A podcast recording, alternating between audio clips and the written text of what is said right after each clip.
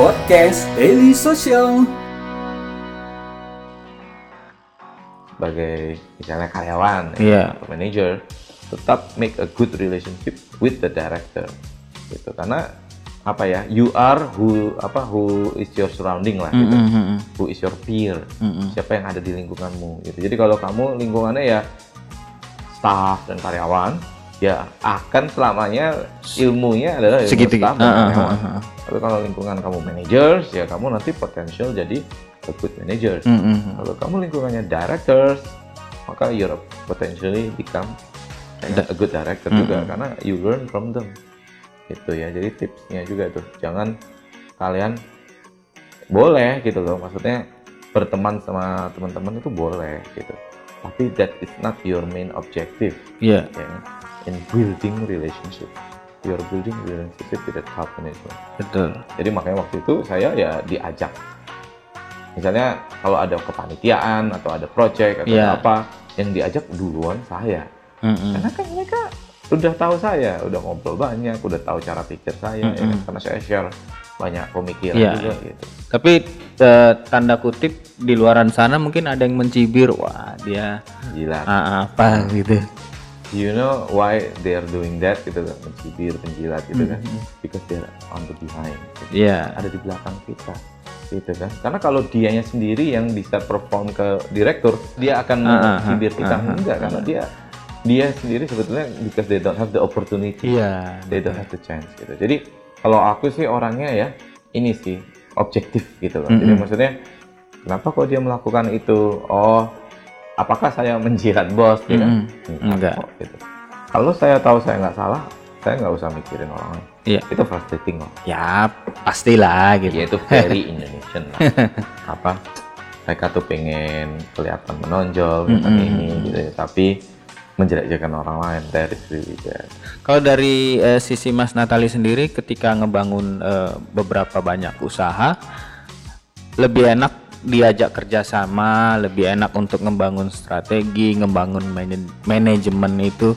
bareng-bareng, lebih asik dengan orang Indonesia atau mostly atau pendidikannya dulu bekas di luar atau bener? nah kalau itu interesting sih Heeh. maksudnya memang jujur aja waktu saya running tiket itu all the co-foundernya tiket itu tuh semuanya lulusan luar negeri Mm-mm, mm-mm. ya kan dan jujur aja saya sendiri saya pernah mengenyam pendidikan di luar negeri Mm-mm. ya kan saya sendiri pengen anak-anak saya harus kuliah di luar negeri Iya. why Mm-mm. karena mindset gitu Iya. entah kenapa ya kalau berpendidikan di luar negeri itu bukan masalah pendidikannya.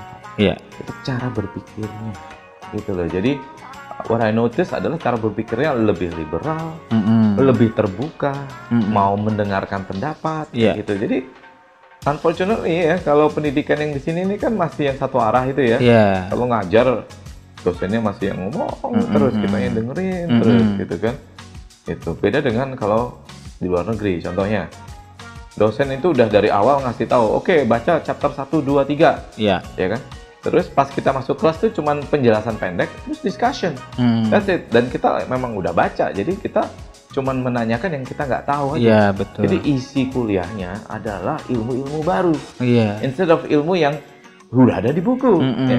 Karena kalau ilmunya udah ada di buku ya mending kita nggak usah kuliah lah Iya, baca, buku aja. Heeh. gitu kan seperti itu tuh ya kan discussion ini nggak setuju gitu kan I don't agree with you bla bla bla tapi kita nggak musuhan nggak marah Iya. kalau di sini kan "Mak, saya nggak setuju undung ya kan itu nggak mau Iya. ngomong Mm. berminggu-minggu Mm. oh my god itu grow up gitu. Iya. jadi makanya unfortunately seperti itu tapi memang saya juga notice ada mulai beberapa kampus yang Udah mau menerapkan cara kolaboratif lah gitu open open minded thinking kayak gitu gitu ya jadi bukan masalah kuliah luar atau enggaknya kok masalah cara berpikir Mm-mm. itu tuh yang melelahkan dari running a company itu malah sebetulnya the co-founders kalau nggak cocok Iya. gitu. I am very grateful ya kita waktu itu secara co-founder cocoknya ya, cocoknya itu gini saya di bidang IT ya saya fokus di IT, IT aja. aja. saya nggak meng apa dong mengomentari bagian marketing Iya. bagian bisnis ya. Mm-mm. bagian marketing dan bagian bisnis juga mereka bisa fokus ke hal-hal mereka Mm-mm. nggak meng apa dong mencampur tangan di urusan IT Mm-mm. padahal my co-founders itu backgroundnya IT semua Oke. gitu. gitu tapi they choose their own path gitu. which is good gitu maksudnya kita jadi sama-sama larinya tuh bareng gitu. bareng betul. Karena kalau kita ngeliatin barang orang itu kan Hmm. sama aja kayak sprinter nengok-nengok kiri kanan itu Mm-mm. eh gimana gini gini. Kita sendiri nggak jalan-jalan. Heeh, nanti. nggak- Tapi kalau sprinter itu kan kalau one two three door gitu kan semua kan lari, Lari. untuk tujuan yang sama dalam waktu sesingkat-singkatnya betul. Dan kita nggak perlu melihat kiri kanan kenapa? Karena we trust that they are doing their best too betul. Kalau sampai kita masih mikirin kiri kanan. orang-orang lain tahu nggak artinya apa? Artinya foundernya sebenarnya nggak kompeten Hmm, ngapain oke jadiin founder iya gitu loh you you hire the best team you hire the people that can fill the gap in you ya Iya. kekosongan di diri kamu saya nggak jago marketing saya nggak jago bisnis nggak jago negotiation Mm-mm. ya saya cari founder yang jago di itu. Gitu.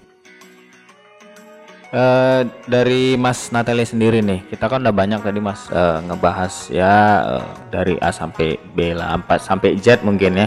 Mungkin tambahan dari Mas Natalie sedikit ilmu yang mungkin bisa di-share sama eh, pendengar Daily Social Podcast. oh ya jadi gini kalau saran saya ya itu mulai belajar tentang psikologi Hmm.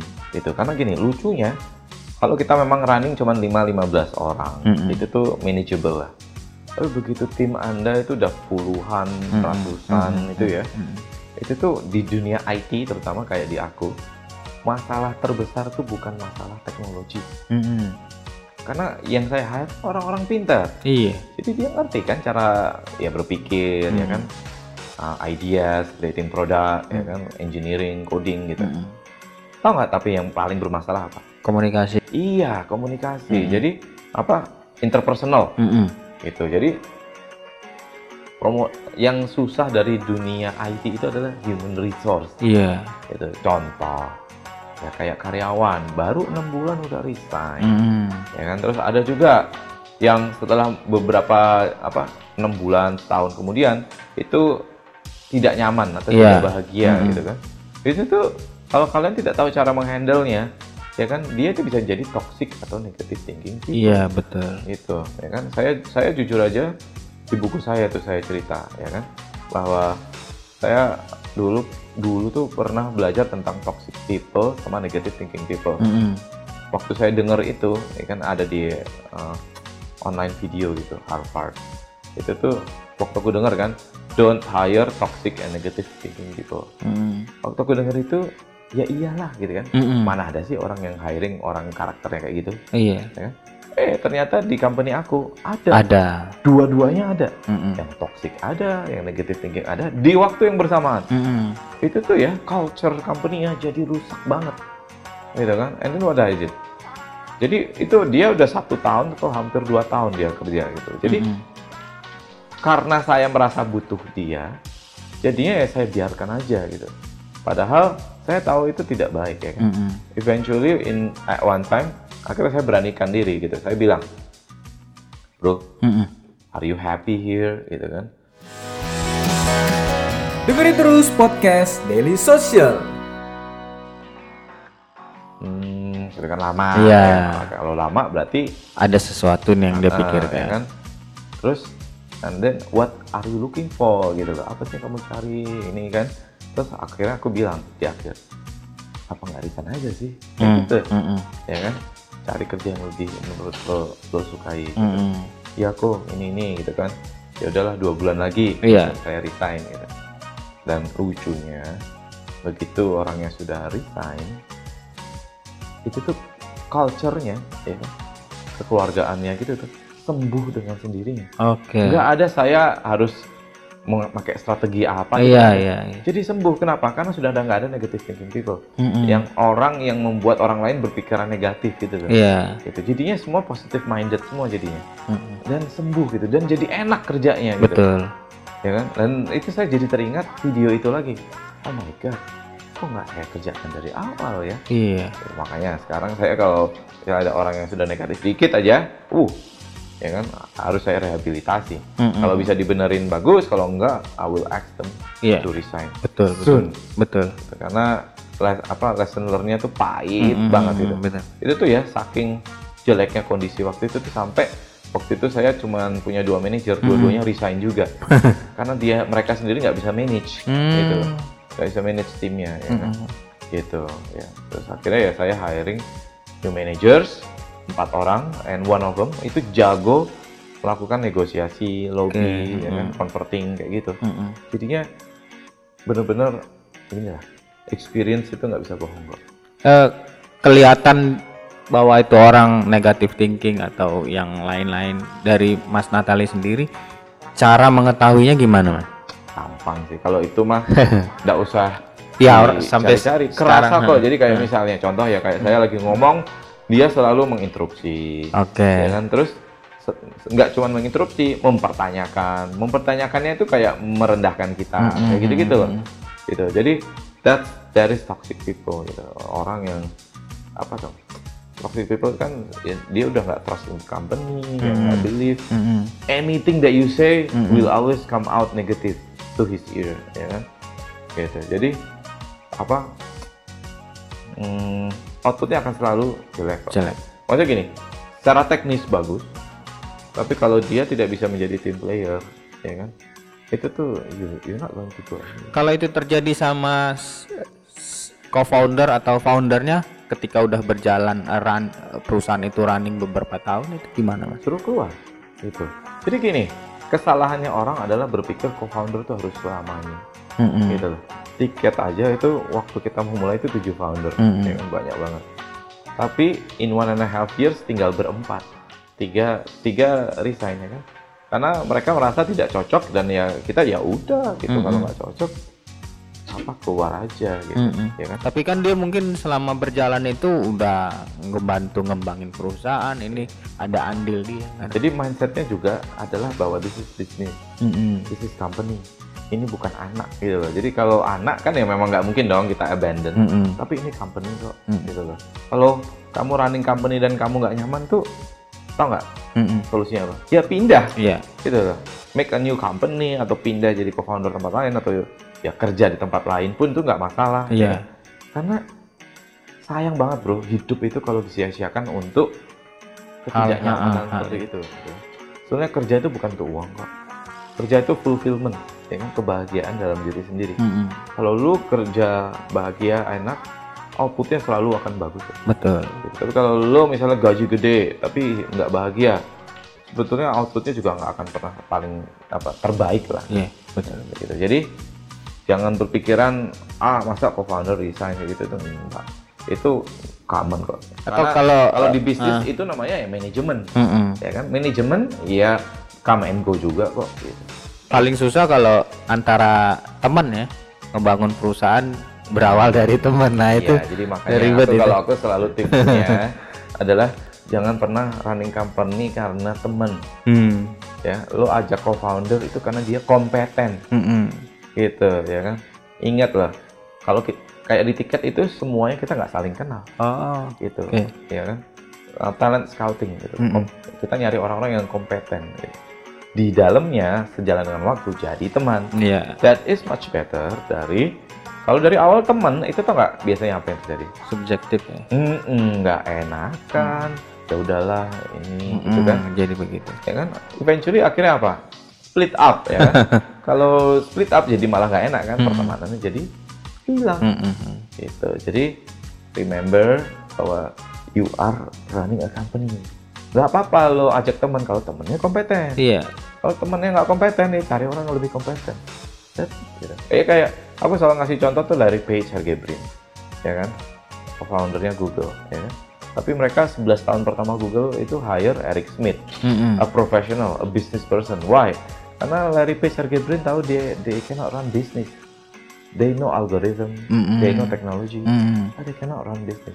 Makanya ajak Eric Schmidt 11 tahun, ya kan, running Google, Mm. gitu. Berhasil nggak? Berhasil. Eric Schmidt itu, for your information, dia tidak memegang sahamnya Google. Oke. Dia pemegang stock optionnya Google, ya kan, employee stock option Mm-mm. gitu loh jadi untuk teman-teman juga ya misalnya kalian apa diajak sebuah company Mm-mm. ditawarkan ESOP jangan pernah menyepelekan Iya. Alibaba itu seribu karyawan pertamanya kaya raya semua ya kan karena ESOP Mm-mm. gitu loh gitu jadi don't underestimate ESOP tapi memang join company yang foundernya bagus, Iya. visinya jelas gitu. Betul.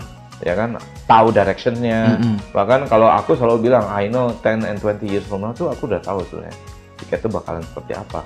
Iya. Gitu loh, visioner gitu. Jadi hati-hati dengan founder yang bisanya ngasih gaji gede, Iya. tapi apa sebenarnya running company belum kompeten kayak gitu. Betul. ya. Securing a hard nosed, no nonsense uh, apa CEO is very very imperative, Mm-mm. sangat sangat penting. Betul. Gitu. Makanya kayak tiket CEO-nya dulu 67 tahun, very senior. Iya. Itu uniknya kayak ini apa banyak decision dia tuh yang kita nggak paham kenapa. Gitu. Dan dia selalu bilang pikiranmu belum nyampe. Oh gitu. Tapi and then a few years later, Mm-mm. tiga tahun kemudian kita baru tahu Oh, decision tem- dia ah. dulu tiga tahun yang lalu hasilnya tuh sekarang Mm-mm. impactnya Mm. gitu ya kayak sekarang lah ini saya banyak banget yang dari awal sudah saya persiapkan dulu memang melelahkan tapi nanti pas jalanin ya saya tahu in, by the end of five years from now Iya, betul. itu tuh kalau saya nggak ngerjain dari dulu itu technical depth-nya akan sangat besar Betul. gitu itu. Ada lagi Mas? Tambahan mungkin untuk terakhir menutup sesi kita di Daily Social Podcast?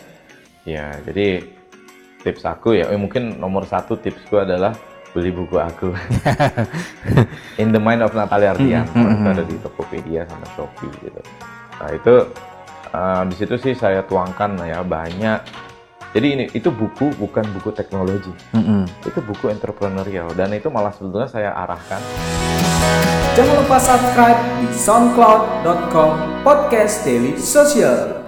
untuk teman-teman yang masih sekolah atau kuliah sebetulnya. Hmm, Karena di oke. situ ada banyak membahas juga tentang mindsetting, ya kan, tentang becoming above the average, Mm-mm. dan juga psikologi. Jadi membaca karakter orang. Jadi kita bisa tahu. Jadi gini, banyak juga orang yang kayak oh ini karakter orangnya procrastinator, Mm-mm. ya kan? Kita kalau orang procrastinator kita nganggapnya apa coba?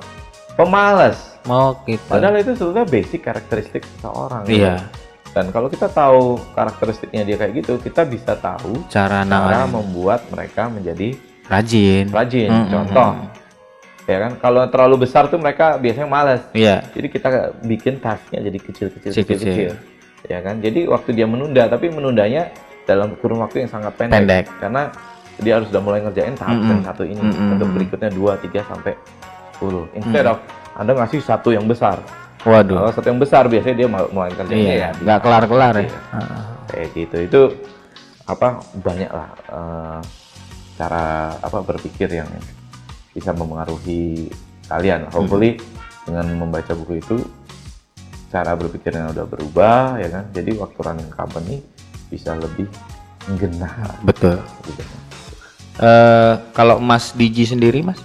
Apa, apa Oh, segala iya. macam? oh kalau Mas Diji ya ini sih eh, saat ini sih produk pertama kita adalah jual beli emas Mm-mm. dan juga nyicil emas. Iya. Jadi kalau nyicil emasnya di emas Gigi adalah eh, apa? Waktu kita memulai nyicil, nilai emasnya adalah nilai emas di awal, Oke. bukan di akhir. Jadi bukan lagi kita nyicil, terus by the end of the cicilan itu nilai Baru, ha. akhir. Tapi kita theoretically udah punya emas dari awal. Dan produk kita semuanya license, Mm-mm. ya kan? Uh, emasnya sendiri itu di bawah ICDX, ya kan? Uh, exchange gitu. Mhm. dan kalau jaminannya sendiri itu dijamin oleh pemerintah juga Iya. di Indonesia Clearing House. gitu. Jadi maksudnya the activity that we're doing is legal, Iya. compliant, Aman ya. kan? Ha-ha. Sudah ada license-nya. Mhm. License-nya sendiri kita butuh waktu tiga tahun untuk dapetin. gitu. Oke. Jadi kita nggak main-main lah Hmm. dalam hal compliance-nya. Gitu. Jadi coba aja emasgigi.com. Siap Mas. Nanti kita coba. Terima kasih Mas Natali thank udah you. mau ngobrol bagi juga kita ya. bagi ilmu ke teman-teman Daily Social Podcast. Mungkin nanti kalau ada waktu kita ngobrol di eh, materi yang lain lah ya. Iya, course. Thank you Mas untuk teman-teman Daily Social Podcast yang ingin masih eh, pengen tahu seputar Daily Social bisa langsung aja kunjungi website kita di eh, dailysocial.net atau di Facebook juga ada di @dailysocial.id atau lewat eh, YouTube kita punya eh, di YouTube ada D- DSTV, ada Daily Social TV, ada discussion, ada eh, apa open box terus ada ada DS Tour juga dan yang lain. Dan yang terakhir mungkin teman-teman DS Podcast ingin tahu seputar startup, ingin tahu seputar manajemen, strategi dan yang lain bisa dengerin di Daily Social Podcast di SoundCloud atau di Spotify juga ada atau lewat Anchor juga bisa. Jadi itu aja kita nanti ketemu di episode berikutnya. Bye bye.